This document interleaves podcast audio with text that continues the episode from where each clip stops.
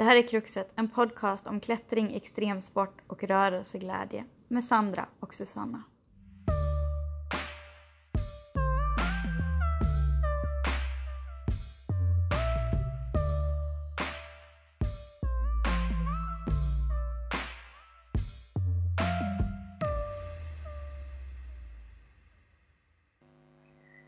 We are back.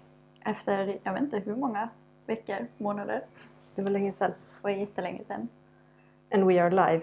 Eller det var inte riktigt. Men Vi är, näst, äh, vi är inte live men vi är i samma rum. ja, alltså på riktigt. I, Vilket är, IRL. är lite ja. sjukt. Och eh, vi kan ju säga vi, vi är ju hemma hos dig. Mm. Så att om det är lite bakgrundsljud idag så Ja, vi har fönstret öppet. För att höra fåglarnas kvitter. förhoppningsvis inte så mycket biltrafik. Nej. Vi får se. Ja, men gud, verkligen länge sedan. Vad har hänt? Oj, vad har inte hänt? Eh, jobb, liv, träning, klättring, Mm. rehab. Mm. Vad har hänt hos dig? Ja, typ så. Mycket liv. Lite graviditet. Lite, ja, jobb. Lite hus, lite trädgård. Lite Och- så. Och sommaren har kommit? Ja. Så det har liksom bara inte blivit så mycket krux Nej. eh, på det här sättet. Det har varit livskrux istället. De ska man ju också ta sig igenom. Mm, lite så. Men det känns gött att vara här igen. Sitta vid datorn och dra av ett avsnitt. Ja, och idag är det ju... Vi funderade lite på vad vi skulle köra för första avsnitt nu efter vårt uppehåll. Mm. Och det blev en artikel. Ja, vi tänkte vi, vi drar något som vi faktiskt har haft eh, tänkt ta upp för länge sedan. Eh, och redan, jag läste, eh, eller preppade för det här för, för väldigt länge sedan. Ehm, så vi, har, vi hade någonting lite halvfärdigt. Så nu kör vi på det. Och ehm, ska vi dra in det i direkt? Ja, vi kan ju ta titeln i alla fall. Ja. vi börjar där. Nej men eh, eh, det här var ju en artikel som eh, den publicerades, eh, för det var ju precis i eh, maj tror jag det var den, vi kom över den. Eh, och den publicerades någon gång maj i år alltså, så den är rikande färsk. Ehm, och eh, det var ju tanken att vi skulle ta den direkt. Men eh, så blev det som sagt lite uppehåll. Och den heter Indoor Bouldering A Prospective Injury Evaluation av eh, Jonas Auer och ett al och, och flera. Bland annat eh, författarnamn som ofta dyker in, upp inom klätterforskning. De här Schöffel. Schöffel har vi pratat om innan. Mm. Eh, så, så det är något bekant namn där i alla fall. Ehm, men det tyckte jag var lite kul för vi har faktiskt egentligen inte pratat om eh, klätterskador så mycket så. Eh, eller gått ner i någon specifik artikel tidigare. Det känns som att vi har det men vi insåg att vi kanske egentligen inte har gjort något dedikerat avsnitt till det. Nej, det är ju mer... Visst, det följer ju med de flesta avsnitten vi gör. Mm. Både med, för din profession och, och mitt personliga perspektiv. Att det dyker ofta, upp. Och vi har pratat lite om generell skadeförebyggande och träning generellt. Men inte just om klätterskador. Nej. Och det är ju svårt, det finns ju fortfarande, det börjar ju komma en hel del studier. Mm. Eh, och det här är då en av dem som vi ska Ja. harva, inte harva oss igenom, jag tyckte den var ganska lättbegriplig och, och Mm. trevlig läsning. Ja, det är ingen sån här eh, tung studie direkt så den är, den är överkomlig för de flesta. Om någon vill läsa den eh, närmare så kommer vi lägga upp eh, en eh, referens i show notes så man kan läsa den själv också.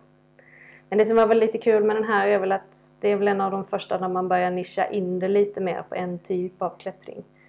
Eh, ofta kommer man ju över studier som, eh, prat, som, som precis som inom dans, att man pratar om klättrare som en grupp eller dansare som en grupp. Men det är ju stor skillnad på någon som håller på med bouldering eller klättrar ute, klä, äh, klättrar ute eller inne som bouldrare.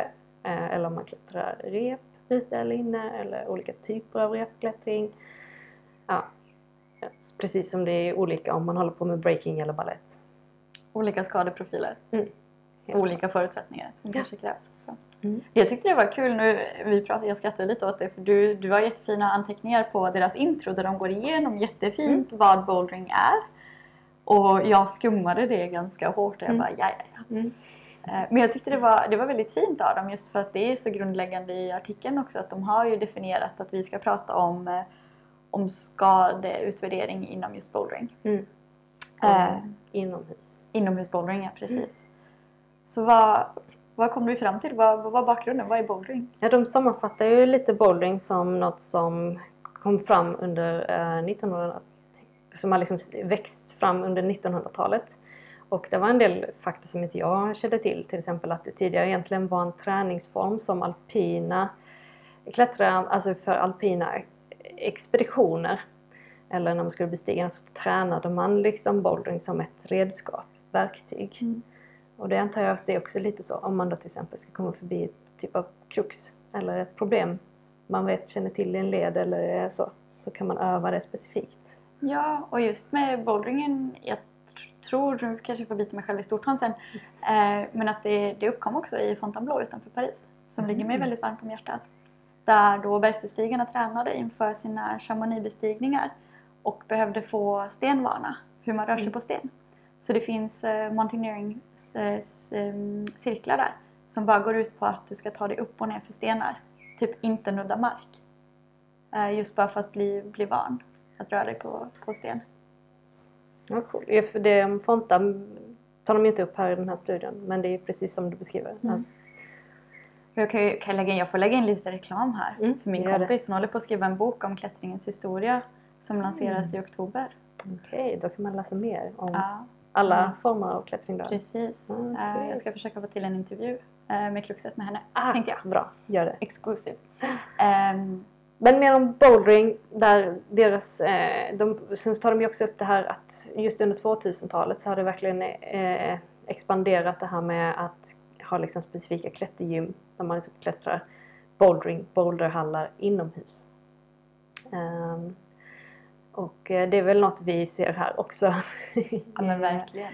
I Sverige och eh, i länder omkring oss.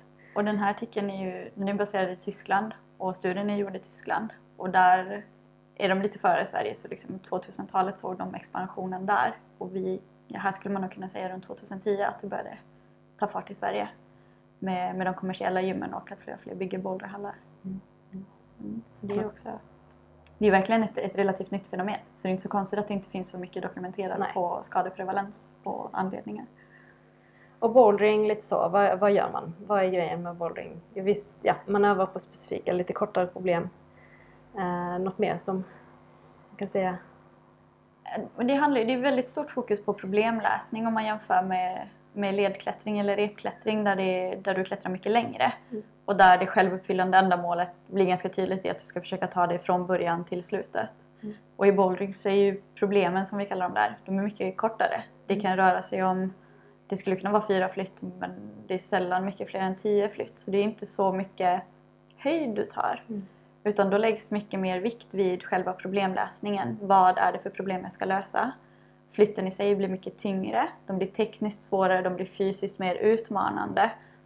Och det är sällan du klarar problemet på första försöket. Utan det handlar mycket om att eh, du ger kroppen en möjlighet att först identifiera vad du ska göra, försöka göra det, lära dig, lära dig hur du ska göra det och sen lära dig att göra det så effektivt som möjligt så att du kommer igenom alla de här tio flytten. Eh, medan en, en repled ställer en annan typ av krav. Mm. Mm. Så här kan vi snacka höjder på kanske 2,5 till 5 meter så det är inte så jättehögt. Vilket också gör att man, man eh, kör utan sele eller säkring som, och rep helt enkelt som man såklart gör i repklättring. Ehm, så, ehm, så man faller fritt Man, man faller fritt. men inte så långt.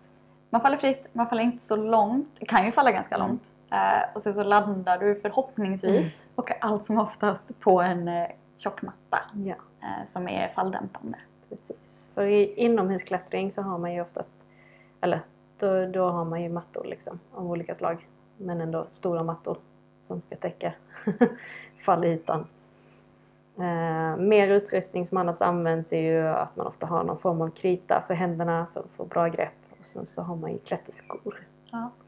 Annars är- brukar det ofta skilja sig där vad man har för skor jämfört med annan typ av till exempel Men det kan nog skilja sig lite grann i och med att bouldering är de här korta problemen så kan du ta av dig skorna emellanåt. Så du kan ha tajtare skor Mm. eh, som kan göra lite ondare på foten. Det kan också vara så att du behöver lite tajtare skor för att du behöver kunna lägga eh, hälkrokar eller tåkrokar som kräver att skon verkligen sitter åt runt foten och inte ger vika alls. Medan i repklättring där du ska göra ganska många flytt och du kan vara på väggen i sex minuter en boulder. Är du på väggen i mer än en minut på en boulder då har du gjort det bra liksom. Eh, eller dåligt beroende på hur man Mm. ser på det. Medan en repled eh, kan ju ta allt från två minuter till, till 10-15 minuter Mm. beroende på hur, hur det ser ut. Och då kan det vara skönt att ha lite bekvämare skor. Mm. För du behöver ha dem på under ett längre tid. Mm. Samtidigt som rent tekniskt så behöver kanske inte skon sitta exakt lika hårt åtsnörd. Um, nu generaliserar jag ju ganska mycket men, men den inomhusklättring som vi har nu och för, för den vanliga liksom, klättermotionären. Uh, så så det, skulle, det skiljer sig lite åt i performance av skorna. Och läser man på om skor så kan det stå att det här är en bouldersko eller det här är en repsko. Det betyder ju inte att eh, den inte går att använda till något annat. Eh, Men det kan, kan ofta vara en indikation på hur bekväm skon kommer sitta på foten sen. Mm, det. Så det är lite vad de tar upp kring vad, vad bouldering är och så. Så det de har gjort, ska vi, vi dra in på metoden lite. Mm. Eh, det man har gjort är ju då att man har eh, låtit frivilliga deltagare eh, delta genom att fylla i formulär. Så det är frågeformulär. Och man har gjort eh, liksom, som man fyllt i via online. Och man har fått raggat upp då eh, de här deltagarna via annonser och klättergym kan man säga generellt. Um, och det är i Tyskland då som man har gjort det här så det är tyska bouldrare helt enkelt. Och eh, man gjorde då den här undersökningen i, under ett år. Eh, så det är en prospektiv studie som det står. Eh, och i 2017 till 2018. Och det man då gjorde att man har först en baseline, liksom en initial frågeformulär och sen så hade man uppföljningar en gång i månaden. Ehm, för att liksom då följa upp ett par parametrar. Så den här eh, grundläggande, eller den första formuläret som man har fyllt i, då, då frågar man lite kring eh, kroppsmått och alltså längd och vikt och kvinna, man, sådana grejer. Ehm, och sen så vad man hade för, vad man har för typ av skor just när man klättrar. Ehm, man frågar också om hur mycket man klättrar. Den, så jag tror det är timmar per vecka. Jag också, Eh. jag tror det var den kollade jag. Och eh, frågade även om tidigare skador. Och sen så hade man en del, eh, vilket var lite kul, att man också tog upp det om man hade några speciella bouldering, eh, alltså man frågade en del bouldering-specifika frågor. Så typ av uppvärmning, om man använder någon speciell kompletterande träning. Eh, vad var det mer? Det var, jag har skrivit ner några små för att komma ihåg. Eh, Eh, ja, om man använder sig av vad man kallar för spotting. Ehm, det kanske du vill förklara vad det är för någonting? Ja, spotting, eller, spotting är det engelska ordet och svenska så eh, brukar vi kalla det för passning. Eh, och det är väldigt vanligt utomhus att vi använder oss av. Mindre vanligt på inomhusgymmen tyvärr. Men det är där man har en klättrande vän på marken vars uppgift är att eh, hålla fallzonen, den området som du landar på på mattan, fri från andra klättrare, leksaker, vattenflaskor, barn, borstar, you name it. Eh, och också håller koll på klättraren för att dämpa fallet eller räta upp klättraren och framförallt för att skydda rygg och nacke. Så det handlar alltså inte om att fånga en klättrare, det är väldigt svårt att fånga någon som faller från tre meters höjd. Men den lilla vikt som vi kan dämpa genom att sätta våra händer mot eh, axlar eller höft, rumpa på en fallande klättrare eh, kan skydda från skador på fotleder och knän.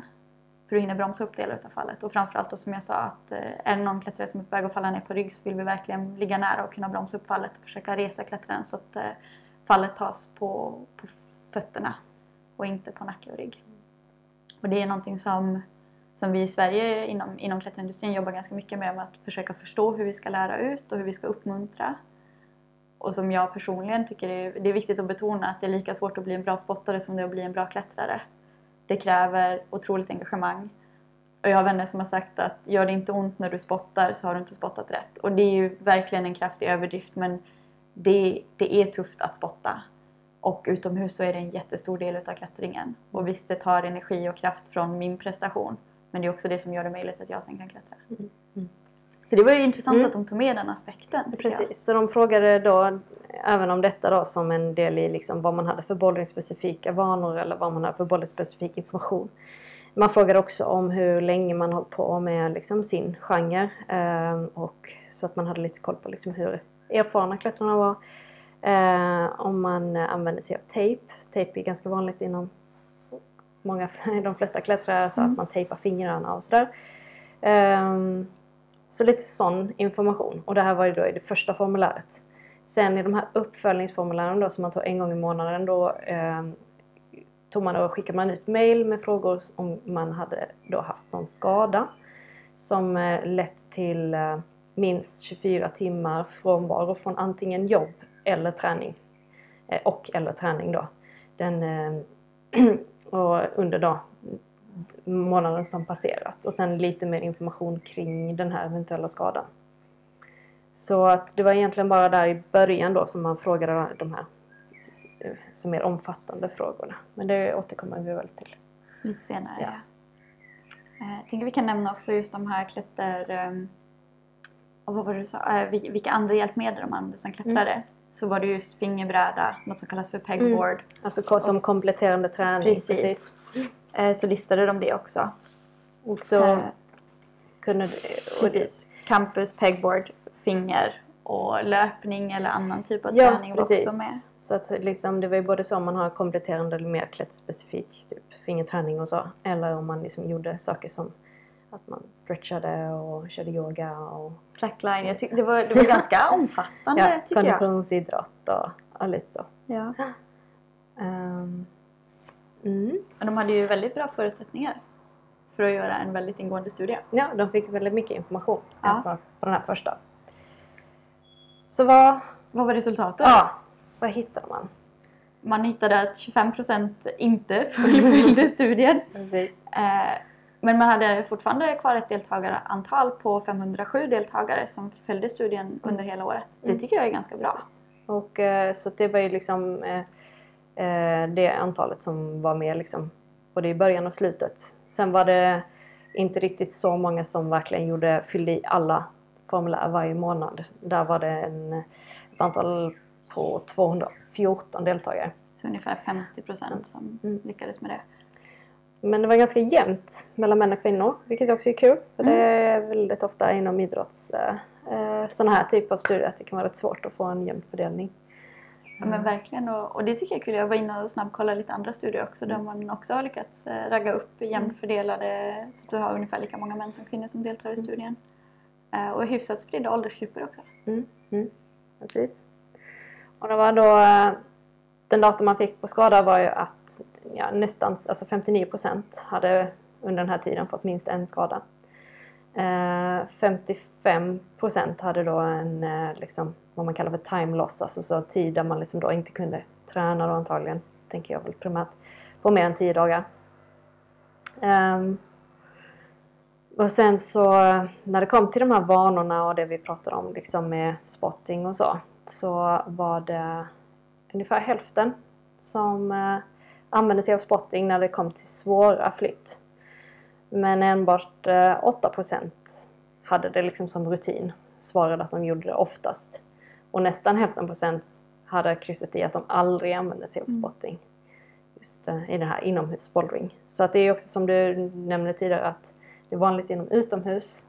Men enligt, utifrån den här studien så verkar det ju som att det inte är lika vanligt inomhus. Och det vi kan se också som, jag ska inte säga förfäras över, men som vi absolut identifierar som en riskfaktor är att ju mer erfaren du är som klättrare, desto oftare använder du dig av spotting vid svåra flytt. Du identifierar när du kommer utsätta dig själv för en större risk och då ser du till att be någon spotta dig för att på något vis minimera risken du tar.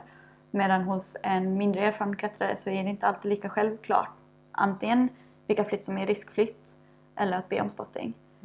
Och det, det är ju också spännande. Så det tycker jag det hade varit kul om de hade fått med det i den här, eller om Mm. man hade kunnat se den datan. Vilka är det som, Vilka klättrare? Ja. precis de här 45 procenten som aldrig använder sig av spotting. Det, vilka är de? Är det blandat eller är det någon, någon grupp, erfarenhetsgrupp som är överrepresenterad? Precis. ja, det är, lite, det är många sådana små frågetecken som täcks så de, Mm. de svarar ju inte på allt i den här studien. Men det hade man ju velat veta mer. Eh, mer information om de som deltog i studien så var det att Eh, majoriteten kan man säga, 58 procent, de tränade två till fem timmar per vecka. I alla fall i, i det här första frågeformuläret. Då. Ehm, och sen var det ungefär eh, liksom, om man tänker resterande gruppen så var det hälften av dem som uh, Nej förlåt, nu blandar jag ihop allting. Men så typ 60% tränade ungefär på den här andelen. Och sen också när man kollar på hur vana, man, hur länge man har hållit på att klättra så var det ungefär 22% som hade tränat eh, mer än fem år och 23% som tränat eh, bouldering i mindre än ett år. Så ungefär 60 procent någonstans mellan ett och fem år. Då. Ja, precis. Eh, jag tänkte lite på det också just om att träna två och en halv timme i veckan. Skulle du säga det är mycket eller lite? Eller? Extremt lite. Jag tittade på Ja. den siffran nu också för vi diskuterar ju det lite innan vi börjar den här podden Ja. nu också och det är ju det motsvarar ju ett till två pass i veckan. Mm. Och det är ju väl, det talar ju om för mig, alltså exponeringstiden som vi var inne på som vi kommer prata lite mer om, den är ju väldigt låg. Mm. Mm. Så antingen, ja det, det är spännande. Vad gör, ja, ja, vad gör de resten av tiden känner jag liksom. Nej men, men, men det är för det, jag tänkte också på dig där för att Mm. eh, jag menar, som motion, motionär så jag skulle definitivt alltså skulle jag klättra fem timmar en vecka skulle jag tycka att jag klättrat jättemycket. Mm. eh, för jag är en sån som kanske eh, när jag är i vanliga fall när det inte är pandemi eller man är hindrad på annat vis så eh, klättrar ju jag kanske en eller två gånger i veckan. Ja, Och då är jag ju nog där. Precis. Så, eh, så att, Sen för många så är ju ett träningspass är ju två och en halv till ja, fem timmar. exakt. Och de, de jag tänker på då är ju, och visst det är ju biased vilka det är jag ser och vilka Mm. jag känner men många lägger ju mer tid än så. Mm. Jag upplever att väldigt många klättrare jag träffar lägger väldigt mycket tid. Så det var lite intressant. Eh, sen kollar man ju lite på vilka typ, alltså skadeområden. Ehm, och då var det väl inte så förvånande eh, när man kollade då att det vanligaste områden var ju överextremitet, alltså hand, arm, skuldra. Ehm, och eh, ja, alltså gå in lite närmare fingrar, skuldra, armbåge, fotled. Eh, förlåt. Ja, fo- sen Ja. så kom, var det ju också fotled som kom eh, hyfsat vanligt. Ja, fast knäskador var ändå Mm. över. Mm. Det tyckte jag var spännande. Jag ljuger nu. Ja, knäskador var nog inte vanligare. Okej. Eh, Utan Nej. då kanske du tänker på allvarliga. För det var ju det som Ja. var intressant. Att, eh, alltså man bara kollar på liksom skador generellt så var det ju som här hand, finger, skuldra. Men sen för fot och knä och ben eh, så var de inte lika vanliga. Men om man kollar på hur allvarliga skadorna var så, så är det, var de vanligare. Så man skiljer mellan mindre allvarliga och allvarliga skador. Så var mindre allvarliga skador vanligare i fingerhand Och axlar framförallt. och eh, ben då i allvarliga, mer traumatiska skador. Ja. och då skiljer de ju på ja, en skada där du är begränsad i, i din aktivitet i ett par dagar. Mm. En skada som, och det är då en, en mindre allvarlig skada. En mer allvarlig skada kanske kräver, inte kräver läkarvård men du uppsöker en fysioterapeut eller du kanske uppsöker en vårdcentral efter några dagar. Och sen då allvarliga skador som, som kräver eh, eh, läkarvård och eventuell kirurgi. Mm. Och i de mer allvarliga skadorna så dök då, tyckte jag ändå det såg ut som att, eh, att lägre extremitetsskadorna Ja. kom upp lite mer. Ja, precis. Så att det, det du var inne på där, liksom om man kollar på just äh, lite mer allvarliga skador. Då eh, var knäskador eh, hö, alltså mer, lite högre andel än fotledsstupningar. Eh, men det är, alltså, de är rätt så jämna i, i, både, i, i båda fallen. Men eh, om man kollar på mycket allvarliga skador så är knäskador också någon av dem som förekommer mest. Eh, och det är ju det vi ser kanske med korsbandsskador och sådana grejer där man liksom får åka in till sjukhuset eh, för att undersöka.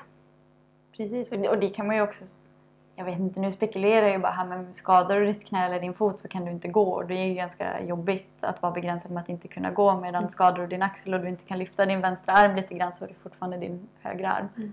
Eh, Så då Mm. kanske man är mindre benägen att, att faktiskt Mm. åka in och kolla upp det också. Ännu mer med ett litet finger. Precis, ett man- litet finger. Det pratade vi också om. Jag, var förvånad över att det ändå var så pass hög procent av fingerskadorna som Men det kommer vi fram till sen också att det är ju inte de som har krävt eh, läkarvård utan det är ju där man har sökt då till en fysioterapeut till exempel för fingerskador. Mm. Och det blir ju mer och mer vanligt också här. Ja, ja Eh, precis. Men jag tyckte det var spännande att se att det var ändå ganska många som, hade, som sökte för det i Mm. den här studien. Procentuellt sett. Ja, procentuellt sett. Ja. Men om man tänker i förhållande till hur många, alltså det var ju 77 eh, liksom hand, finger, tumskador. Ja. Eh, och sen är det liksom, av dem så är det nio som liksom klassas som lite mer allvarliga. Om man då till exempel kollar på knäskador så var det 12. Eh, så bara 4 procent. Men det är också nio stycken som kräver läkarvård och fyra som kräver allvarlig Läkarvård. eller allvarlig? Sy- eh, betydande liksom, insatser. Så Ja. att, eh, ja. Och ehm, sen så kollar man väl lite kring eh, ja, olika tänkbara orsaker och så. Och det är ju alltid kul i den här typen av studier för jag tycker det är återkommande också inom idrotten att det är alltid så här, det är väldigt svårt att ringa in vad som, eller vad som är möjliga orsaker egentligen är ett lite problematiskt ord att använda för det vi kollar här är egentligen bara lite korrelation. Vi kollar de som har det här har också en skada. Vi kan egentligen inte säga att det var en cause and effect liksom, alltså så. Men eh, där kunde man egentligen bara se att det, det vanligaste korrelationen var mellan att, liksom, att bli skadad var att bouldra. Ja. Och det är ju skönt att veta att om jag får en klätterrelaterad skada så är det för att jag har klättrat. Ja. Eh, annars var det väldigt lite liksom, så um, att man kunde hitta någon koppling mellan alla de här olika faktorerna som man tittat på. Man kunde väl se att eh, eh, skador i nedre extremitet eh, oftare var på grund av fall eller hopp eller så. Eh, eller kopplat till eh, jämfört med övre extremitet. Och det känns ju också, ja, speglar väl också lite vad man tycker man ser lite att kanske finger och armbåge och sådär kanske inte alltid är att man trillar eller gör något trau- trauma utan mer lite överbelastning. Ja, där vill jag nog lägga armbågs armbågsskador ser vi ju liksom, eh, det heter väl inte ens att man sätter armbågen ur leden utan man bryter armbågsleden eller något sånt. Eh, oklart. Men, eh, men det är ju från fall, ofta när du tar emot dig i mattan när du faller. Mm, ja, men jag tänker mer såhär scen, eh, Ja. alltså typ den här. eh, Golfarmbågen ja. och tennisarmbågen. Ja, exakt. Mm. Eh, så där är det mycket överbelastning. Sen så hade man ju då liksom eh, de här olika bouldervanorna vi pratar om som man då ju ofta gör för man tänker sig att det borde förebygga skada. Som att värma upp, att träna fingerbräda, att tejpa fingrarna, att hålla på med kompletterande träning. Mycket saker som du och jag står och proklamerar kring.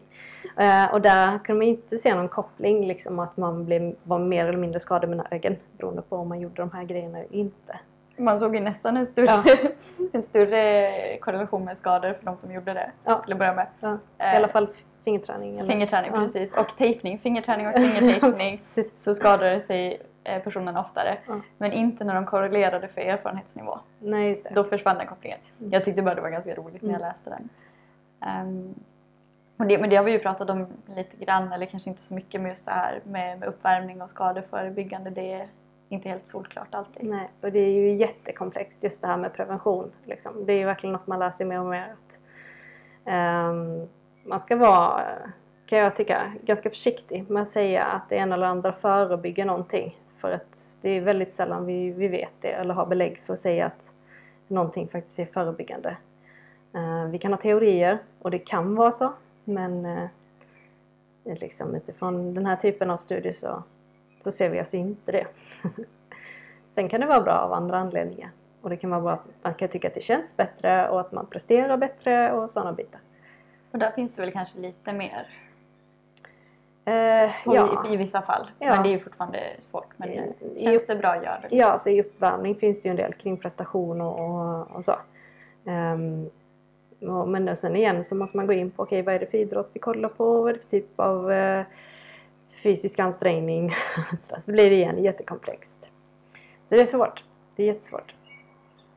Um, en annan sak som man, man också kan väl, som kom upp här och som också är återkommande, att det verkade vara en högre risk bland de som hade haft den tidigare. Alltså i det här första formuläret fyllt i att de hade en skada sedan innan. det var också högre risk då att ådra sig en ny skada. Och det är ju verkligen gång på gång vi ser det här i, i annan form av idrottsmedicinsk litteratur. Har man någon, uh, finns det någon teori kring om det? Och det, ja, alltså det är ju också väldigt intressant för att då, då kan det ju vara så här um, Det kan ju vara saker man spekulerar kring ibland. Blir man, alltså, en del funderingar är det, är det kanske bara genetiskt eller så att man har en viss typ av liksom, eh, strukturell uppbyggnad eller så. I, alltså vi, vi ser olika ut, vi har olika genetik och hur våra leder och ligament är liksom. Men sen kan det ju vara rent beteende, alltså vad man har för typ av personlighet och beteende. Är man en person som liksom eh, är jäkligt liksom, envis och kör på eller eh, är man någon som lyssnar mycket på kroppen eller hur man är lagd där. Kan det vara sådana saker? Mm. Jag tänker också att om man har en skada att du kanske överkompenserar med andra kroppsdelar och att du då kan ådra dig Precis. en överansträngningsskada i en annan kroppsdel som du Exakt. överkompenserar med. Ja, och det är ju en ganska liksom så här, det känns egentligen ganska så här, självklar eh, reflektion som man ju bör ha med sig också. Absolut. Eller, så, eller bara, jag menar, har du dragit till ett ledband i fotleden en gång, så, ja det vet ju du, så stryker man det lätt igen. Och så eh, stryker du foten lätt så kanske något annat, en annan led kommer snett och sådär. Så det är ju också det ju att det liksom har, har redan slitit på systemet. Men, men jag tycker det är intressant också med de här mer personliga, individuella, kanske mer medfödda bitarna så, som jag tidigare kanske inte har tänkt på så mycket. Det är inget de tar upp här men eh, Nej, och det är ju, men jag, jag, hoppas att det kommer komma mer och mer sånt för det kommer ju hjälpa oss att förstå mm. hur vi ska träna eller behandla skador också. Att det är ju det är väldigt individuellt och den aspekten är ju svåråtkomlig. Så det var väl lite mm. resultat mm. i stora drag. Man kollade ju också på det här med skor. Ja, jag tyckte det var kul. Nu har jag inte siffrorna rakt på här men man tittade ju på vilken typ av skor klättrarna mm. använde. Och då kollade man på om klättrarna använde en mindre skostorlek än vad de har i vanliga mm. fall. Samma eller en större. Mm. Eh, och där var det väl ungefär 50% som använde en mindre skostorlek. Eller om det var ännu fler, 60 procent. Um, ett par stycken som använde en mindre och, och runt ja, någon, någon 20-ish procent där någonstans mm. som använde större skostorleken i vanliga fall. Och att man såg en viss ökning av eh, skadefrekvens hos de som använde aggressiva skor. För det kollade man också, mm. vinkeln eller liksom böjningen på skon, om det är en platt sko eller en väldigt krökt sko. Och att man då såg att det fanns en viss eh, ökad risk för skador för de som använde väldigt aggressiva skor. Jag hittade ingenstans i artikeln vilken typ av skador det var kopplat till. Om, eh, om det var kopplat till lägre extremiteter eller skador generellt sett. Nej, det de nämner är ju liksom att de som hade väldigt så här, aggressiva skor eh, verkade vara har högre tendens att få de här lite mer allvarliga skadorna. Mm. Så möjligen man kan dra slutsatsen där att det handlar mer om nedre extremiteter. Ja. Fötter, ben. Mm. Där vi, det, här, det finns ju ingen referens på det men jag hade ett, ett intressant samtal och jag tror jag tagit upp det i någon tidigare podd med eh, en säkerhetsansvarig uppe i Stockholm som hade haft kontakt med läkare och just funderat kring om det. Hur kommer det sig att vi ser så mycket allvarliga fotledsskador eller fotskador inom klättring framförallt där vi pratar benbrott i de små benen inne i foten för foten har ju jättemånga små ben. Eh, och den här läkaren hade en teori om att det är klätterskornas, eh, att de i och med att de är så små så kan inte foten expandera när vi tar emot kraft och då kommer benen istället utsättas för den kraften. Mm. Och att har du då, om man tittar på basket, basketspelare eller längdhoppare som kanske har lite större skor, att deras fötter får chansen att expandera. Och de kan ju fortfarande ha fotledsskador. Men det är just det här, varför ser vi så mycket brott av de här små benen i foten just i bouldering?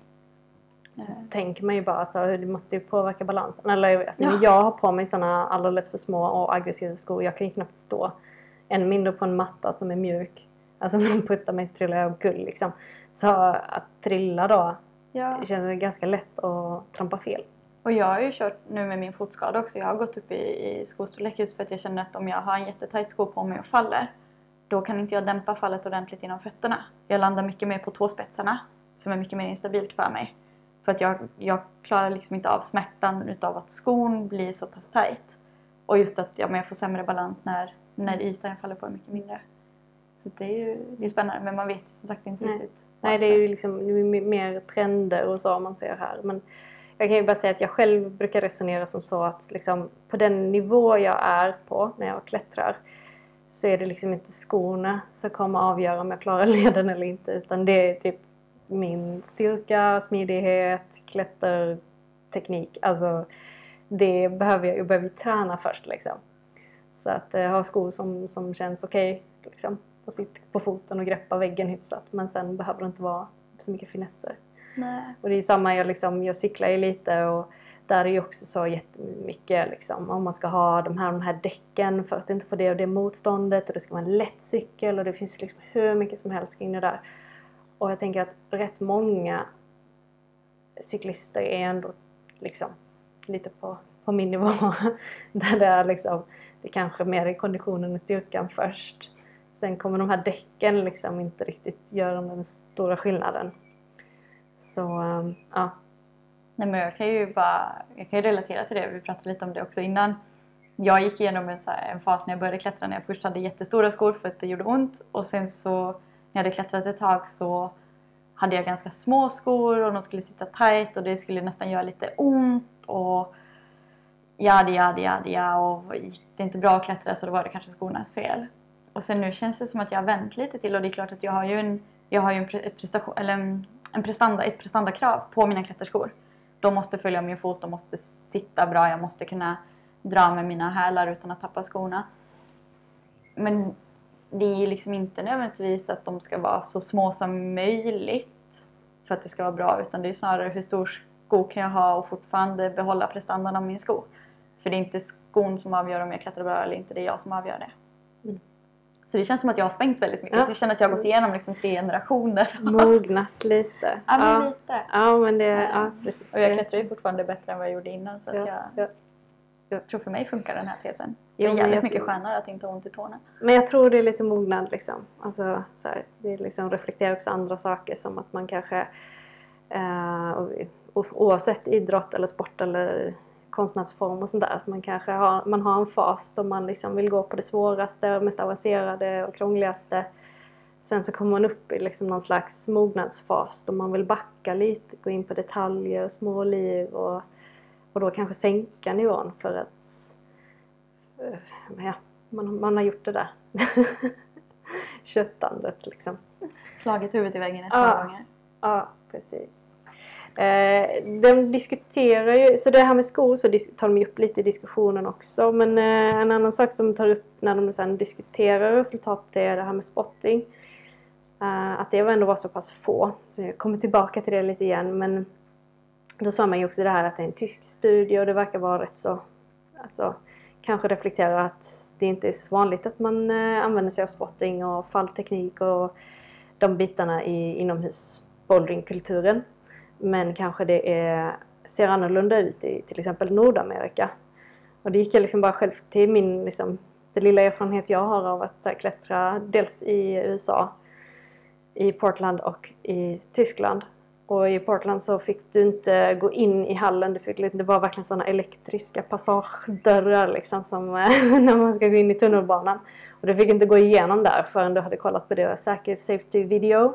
Där de gick igenom spotting och um, fallteknik och alltså förklarade vad både det var en liten information och lite teknik. Eh, och du skulle fylla i något formulär och sådär. Medan i Tyskland var det mer som, ja kanske jag kan uppleva här i Sverige också, att eh, då, då var det mer att man gick in och körde. Mm, Betala, gå in. Ja, precis. Som på vilket gym som helst. Och där har vi väl också kanske lite olika kulturer. Jag tänker man, man har väl ändå en bild av att i USA är man... Ja, det är ju det här med försäkringar hit och dit och man, man, är, man vill alltid ha ryggen fri för att inte bli stämd för saker och ting. Så man vill ju inte ha att någon klättrare kommer in, trillar och sen stämmer gymmet för att de inte har informerat om att man kan trilla ner från ledaren. Ja. Nej men jag vet inte. Jag bara tänk, det är min egen eh, tolkning eller reflektion. Ehm, men du tyckte också du såg lite så ut när du var... Eller har du varit i... Ja du har varit, Jag har varit i USA. USA. Vi var bara på ett gym och det var en liten sån här, alltså ett av de första bouldergymmen i Cool. området. Ja. Eh, Det var gamla sängar som eh, fallmadrasser. Okej. hopplockat. Det var jättecharmigt. Eh, Men det var ju också, vi var tvungna att göra ett, eh, fylla i en online-formulär att vi hade läst grejer och att vi tog på oss allt ansvar, att vi var medvetna om vilka risker, bla bla bla bla bla. Eh, Och liknande har det varit när jag varit i England och på Irland också. Att, eh, och har du kommit dit själv utan någon som har varit på gymmet innan så kan det vara så att du behöver också ha en in- introduktion tillsammans med en instruktör som går igenom det här med dig. Åker du dit med en kompis kan kompisen skriva på ett papper att jag tar ansvar över den här personen. Mm. Eller över, här, över att se till att den här personen är införstådd med risker och eh, hur vi ska bete oss. Eh, Och i Sverige så ser det ju inte riktigt ut så. Nej. Och det är ju rätt intressant för det låter ju som ett lite så hardcore liksom, ja, genuint liksom. Ehm, Ja, Alltså inte någon sån här eh, kommersiell hall direkt. Men, det, eller? det har ju varit kommersiella hallar. Eh, eller de på i England och Irland. Det, Men jag tänkte det du var på i USA. I USA, det är ju, ändå så hade de liksom de grejerna. Ja, ja. Mm. Nej, men det var ju supercharmigt. Mm. Det var, ja, ja. Mm. Jag är lite nojig över mina fötter som vanligt då, men, eh, så jag var inte jätteförtjust i deras mattor. Men Nej. det, var ju, det gjorde ju ett avtryck. Mm. Det var ju super, ja, supermysigt ställe. Men det var, och det, och jag kommer också ihåg i USA var det ju också så här överallt var det skyltar. Här kan du klättra ner och små stegar för att man inte skulle hoppa ner och, och sådana grejer. Vilket man eh, inte alltid vill ha i annars. Det är inte estetiskt eller någonting sånt. vi har ju infört det nu, eller de har Ja. infört det nu på klättercentret Mm. i Skåne. Mycket mer nedklättring. Okej. Jag tjatade ju mycket om det kommer jag ihåg. Ja, Men- jag har också varit på dem. Nu, nu finns det specifika grepp för det. Mm. Eh, som de hänger upp. De har bara en Mm. fet pil ner Ja. liksom klättra ner här. Ja, så de har gjort det nu. Mm. Ja, och det är ju, det är ju högt. Mm. Och som de rapporterade i den här också, det är, ju, det är inte bara fall som har lett upphov till lägre extremitetsskador utan också aktivt nedhopp Ja. från vägg. Så där du inte faller utan du som klättrare tar ett beslut Mm. att hoppa ner från väggen. Och hoppar du ner från fyra meter, Mm. Det är inte så jäkla käckt för fötter, knän och rygg. Nej, precis. Så Och jag just- tycker det är bra att de har börjat Ja, jag, jag måste säga att jag tycker det. För liksom, jag kan ändå förstå ledbyggarna och så här. Jag kommer ihåg att vi hade rätt mycket diskussioner kring det här. Alltså bra, bra samtal liksom. Eh, För att jag var väldigt så, när jag kom hem där från USA, bara, varför har vi inte skyltar överallt och varför är det inte tydligare? Och då var det alltså, ja men vi bygger alltid så att man ska kunna klättra ner säkert och liksom så här, och det, det ser snyggare ut och sådär. Men där, alltså som, som nybörjare så upplevde jag att det är inte, det är inte så tydligt om man inte... för mig, jag såg liksom inte det. Och framförallt inte när jag typ... Ja, jag, jag liksom tar en ny led, persar på någonting, jag är helt slut, jag är livrädd. Jag liksom, det enda jag har fokuserat är är det här slutgreppet och så är jag väl där och sen är jag bara så panik, jag måste ner och jag orkar inte hålla kvar här. Då hoppar jag bara ner. Liksom. Ja. Och sen när jag väl kommer ner då kanske jag såg att ah, jag hade kunnat klättra. Men så långt tänker man kanske inte när man är på lite lägre nivåer i alla fall. Nej, och det är ju alltså det jag ser mycket med, med nya klättrare också, just att vi klättrar ju på specifika problem. Om du vill klara ett problem så får du bara använda dig utav de hand och Mm. fotgrepp som leden eller problemet har. När du klättrar ner får du ju ta allt. Mm. Så det är, det är två saker i det som jag ser nummer ett. Du, det krävs en viss erfarenhet för att med blicken identifiera vilka grepp som är de bästa att hålla i och vilka Precis. fotsteg som är de bästa att hålla Mm. i. Nummer två, det är inte helt solklart när du är rädd och trött Mm. att det bästa är att sjunka ner i armarna så att du kommer Mm. ut i raka armar, inte vara i böjda armar. Då kommer du närmare marken. Det är inte heller jättesjälvklart Nej. att göra. Och det sista är att det är inte självklart heller att du får använda alla grepp när du klättrar ner. Det finns, kan se många som fastnar i tanken att jag ska använda samma grepp som jag kom upp på för att komma ner. Och är det då någonting som du har persat på så ska, då ska du helt plötsligt klättra ner där Ja. du klättrade upp som var svinhårt liksom. Precis. Eh, Och där känner jag att det för mig tillhör det ju också spottingen att lära ut um, ska säga, nedklättersäkerhet Mm. eh, och, och fallsäkerhet. Att, att hjälpa då klättrarna som kommer att nej men det är så här, så här kan du ta dig ner. Mm. Det här är teknikerna som vi använder. Och just de här problemläsningen där det gäller att identifiera vilka grepp som är bra och dåliga. Det är ju det är svårt att... Det, det kommer ju med övning. Det tror jag inte. Det spelar ingen roll om jag står och säger liksom, tänk på att om greppet ser ut på det här sättet ungefär så kan du förvänta dig det här av greppet.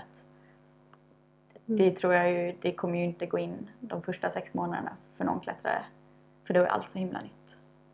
Ja, precis. Nej, så att, jag tycker ändå det är positivt att man faktiskt har Jag gått tycker med det det är jättepositivt. Jag vågar ju Mm. klättra högre upp nu. För Mm. mig, jag vågar fortfarande inte falla speciellt högt högt upp på väggen. Så att jag, är ju, jag klättrar ju ingenting där det inte finns en escape eller en nedklättring. Då går jag därifrån och klagar. Och det är också, ja men det, är bra. Och det är också det man går in på här i, liksom, eh, i diskussionen. Att man, man tycker att det kanske skulle finnas en poäng att göra lite mer, framförallt för nybörjare, att man har lite introduktion och att man förklarar fallteknik och liksom andra möjliga liksom, safety measures, eller vad man ska tycka. Ehm, Och det finns ju på de flesta gymmen. Mm. Ehm, Det kräver ju att man bokar in i, i förväg. Mm. Och det kostar ju lite mer men jag, jag tror ju att det är så sjukt väl investerade pengar. Eh, Oavsett om du vill klättra en gång eller flera gånger. Ta, ta den chansen att få lära dig utav en erfaren instruktör så att du får en, en, bra, en bra intro. Mm. Om du inte har klättrande vänner som kan agera mentor. Tror jag man sparar mycket tid och energi och Mm. pengar på i längden. Så det var lite om diskussionen. Sen så tar de ju upp eh, lite egna begränsningar, eller så tar själv upp saker som var, väl kanske gör att man kan liksom man ska inte bara köpa alla resultat rakt av. Eh, det man ska ha med sig i åtanke här är att det är en online, alltså det har varit online formulär så det är frivilliga deltagare så det blir ju en viss, vad man kallar ibland selection bias. Att, eh, man har liksom inte ja, det är ju de som man vill svara som har svarat och det kan ju vara en viss grupp i sig. Ehm, som är, ja, som kanske att man är, har haft en skada så därför är man mer intresserad av att svara. Um, och sen också um, det du, och det kan ju också komma i det, det du tänkte kring det där att liksom um, man kanske liksom också tappar en grupp som har skadat sig mer allvarligt. Ja, jag var lite förvånad över det. Eller det är ju också fint att se att de inte hade så mycket allvarliga skador. Mm. Men samtidigt i den erfarenhet som, som vi kanske, eller du har i ditt yrke och det som jag har sett så, så kändes det som att det var väldigt få rapporterade skador av den graden Mm. som jag tycker att jag ser. Så då var det bara min reflektion att men det kanske är de av de här 25 procenten som droppar ut. Mm. Fanns de i den gruppen? Eller kanske Eller inte svara i första, eller inte med i studien alls liksom. Precis. För att de har redan skadat sig allvarligt. ja, liksom. och då kanske de slutar klättra. Mm. Ehm, Mm. Så det, det hade ju också varit intressant att få med och det, det pratar vi om, men det, inte med det här men i andra sammanhang att det, det kan vara svårt att nå den målgruppen du vill nå. Om den målgruppen du vill nå är i minoritet eller eh, är i en känslig position. Så är du liksom, vi kanske vill nå ut till människor som har haft en allvarlig skada, vi vill hjälpa dem att komma tillbaka in i klättringen, vi tror att vi har en idé på hur vi kan introducera dem till klättring på ett säkert sätt. De är ju inte på klätterhallen de är ju kanske för rädda för det. Har blivit avskräckta och vågar inte komma tillbaks. Och vart annonserar vi om sådana saker? Jo, på klätterhallen och i vår klättermedia. Hur hittar vi den? Alltså just det, det, det kan vara så otroligt svårt att hitta sin målgrupp ibland. Mm. Speciellt om man försöker då hitta den målgrupp som inte naturligt sett drar sig till då som i det här fallet, det, vilka är det som har sett den här studien? Kanske de som redan innan var intresserade av Mm. skadeprevention eller skadefrekvens inom klättring. De har sett studien, de har deltagit. Så vad reflekterar den här studien egentligen? Precis. Det är Och så är det ju alltid liksom, det är problematiskt med, med frågeformulär och frivilligt deltagande. Samtidigt är det ju ett bra sätt att få upp, man får ändå en ganska bra siffra, alltså bra mängd med deltagare. Eh, Men då är det ju just det här att det är självrapporterat. Så det kan ju vara att man minns fel och har olika definitioner, olika tolkningar av frågorna och sen också det här med att skadorna är ju självrapporterade. Så vi har ju inte liksom en klinisk bedömning och har säkerställt att det verkligen ja, det kan ju vara väldigt olika. ehm, eh, upplevelsen, det är ju subjektivt också. Liksom. Väldigt subjektivt. Ehm, sen så också det här att man, man kollade ju bara hur mycket de klättrade per vecka i början i det första formuläret men inte sen i de här uppföljningsformulären. Så vi vet ju inte om det var så, om det var så hela tiden att man klättrade 2 till 5 timmar i veckan, eh, de flesta. Eh, och det gör ju också att man inte heller kan eh, undersöka hur vanligt det var att skada sig i förhållande till hur mycket man klättrade eller hur mycket tid och det hade ju varit intressant att veta. Precis, är det vanligare med skador om du klättrar oftare Mm. och mer? Precis, och man vet ju inte heller om det, form, om det ändrades. Liksom. Så att det, kan ju vara att någon klättrar väldigt mycket mer i slutet. Eh, Så där man, nästan, ja, man har nästan önskat att det var med i det här kontinuerliga varje månad. Att de fick följa i också hur mycket har jag klättrat. För då hade Ja. man också kunnat se då hade man ju också kunnat se till exempel om, om man plötsligt stegrade sin exponeringstid. Man plötsligt började träna väldigt mycket mer. Eh, För det har man ju ofta också en eh, teori kring i, i idrottsmedicin. Att en liksom snabb stegring av intensitet eller hur länge man håller på eller så, eller svårighet. Att man, om man liksom stegrar det väldigt hastigt så, så finns det mer risk att skada sig. Så då hade man ju kunnat följa det om man hade kollat det också prospektivt. liksom. Ja, och vi var inne och kollade, eller jag var inne och kollade en annan artikel. Um, Who gets injured when?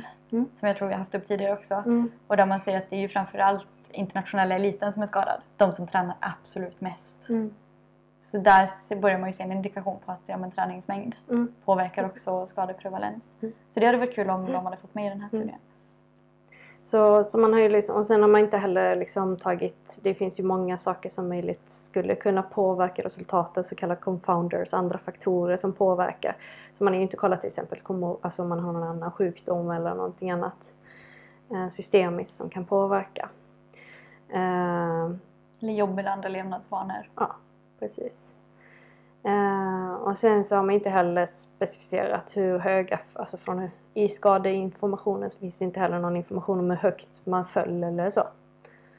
Och det kunde ju också vara intressant. Ja, speciellt liksom nedhopp. Pratar vi nedhopp från en meter eller pratar vi nedhopp från fyra Mm. meter?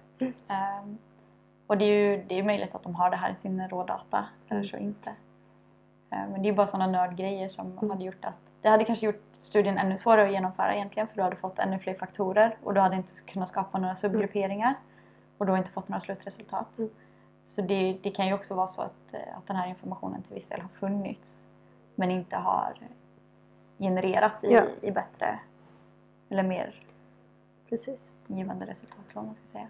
Nej men det är ju alltid så, man måste ju begränsa sig någonstans. eh, liksom. Eh, man kan, eh, ja, alltså keep it simple sa min handledare till mig hela tiden när jag ska skriva min uppsats. Eh, för att jag ville kolla på allt. Och ska du göra en bra analys så blir det oftast bättre om du håller ner det till något och så får du lämna det du, dina frågetecken till nästa nyfikna forskare.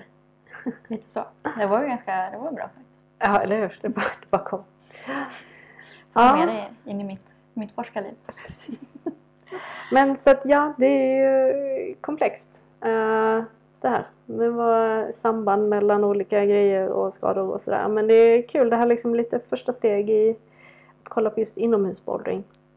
Som är väl något vi kommer i kontakt med ganska mycket. Eh, ja, du det och jag träffar många Alldeles för många. utövare. Jag har ju kommit fram till att mina vänner har ju träffat dig oftare nu i ditt yrke än vad jag träffar dig. Ja, ja precis. Det är lite så också. Den senaste en, två månaderna så har jag liksom hållit koll på dig genom mina patienter. Frågar hur det är med dig. Det Ska okej. man inte göra, Nej, men, men det är eh, okej. Ja, det känns bra. Jag vet att det är okej. Det är uttalat. Ja. Ja, ja, nu har vi pladdrat på här i goa nästan en timme. Ja, att, eh, jag vet inte, är det något mer vi vill tillägga? nej, inte, jag, jag tror Mm. inte det. det, är- det vad är sammanfattningen? Det, det är oklart vem som skadar sig. Ja, men man kan väl konstatera att det är hyfsat vanligt att man får problem.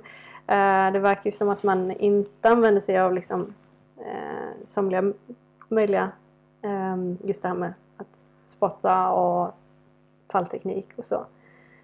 Ehm, Man kan väl tänka en gång extra om man som lite mer erfarenhet, erfaren klättrare eller tränare påstår att någonting förebygger någonting. Men man kan ju ha bra belägg för att göra någonting ändå. Ehm, ja, någonting eh, mer. Jag får kolla lite på vad, om det har, de har någonting de vill lyfta fram i sin... Ehm, kanske att det spelar roll vad man har för skor då ju. Men ehm, vi, vi behöver forska vidare för att kunna säga vad vi ska göra egentligen för att minska skador kan man väl säga. Ja, och det är som, som sagt det är, det är otroligt vanligt att skada Mm. sig. Mer eller mindre allvarligt. olika ställen. Det behöver inte betyda att en inte kan fortsätta med sin aktivitet. Nej, men man kan ha respekt för det. Precis, ha respekt för det. När ni kommer tillbaks från en skada, förvänta er inte kanske att vara på samma nivå där ni skadade er. Mm. Utan liksom, ta det långsamt, ta det följsamt. Ja. Var smarta och var inte rädd för att kontakta sjukvården eller fysioterapeuter för att få hjälp att behandla skador. ja, kan man väl säga också. man kan alltid ge det en chans åtminstone. Precis.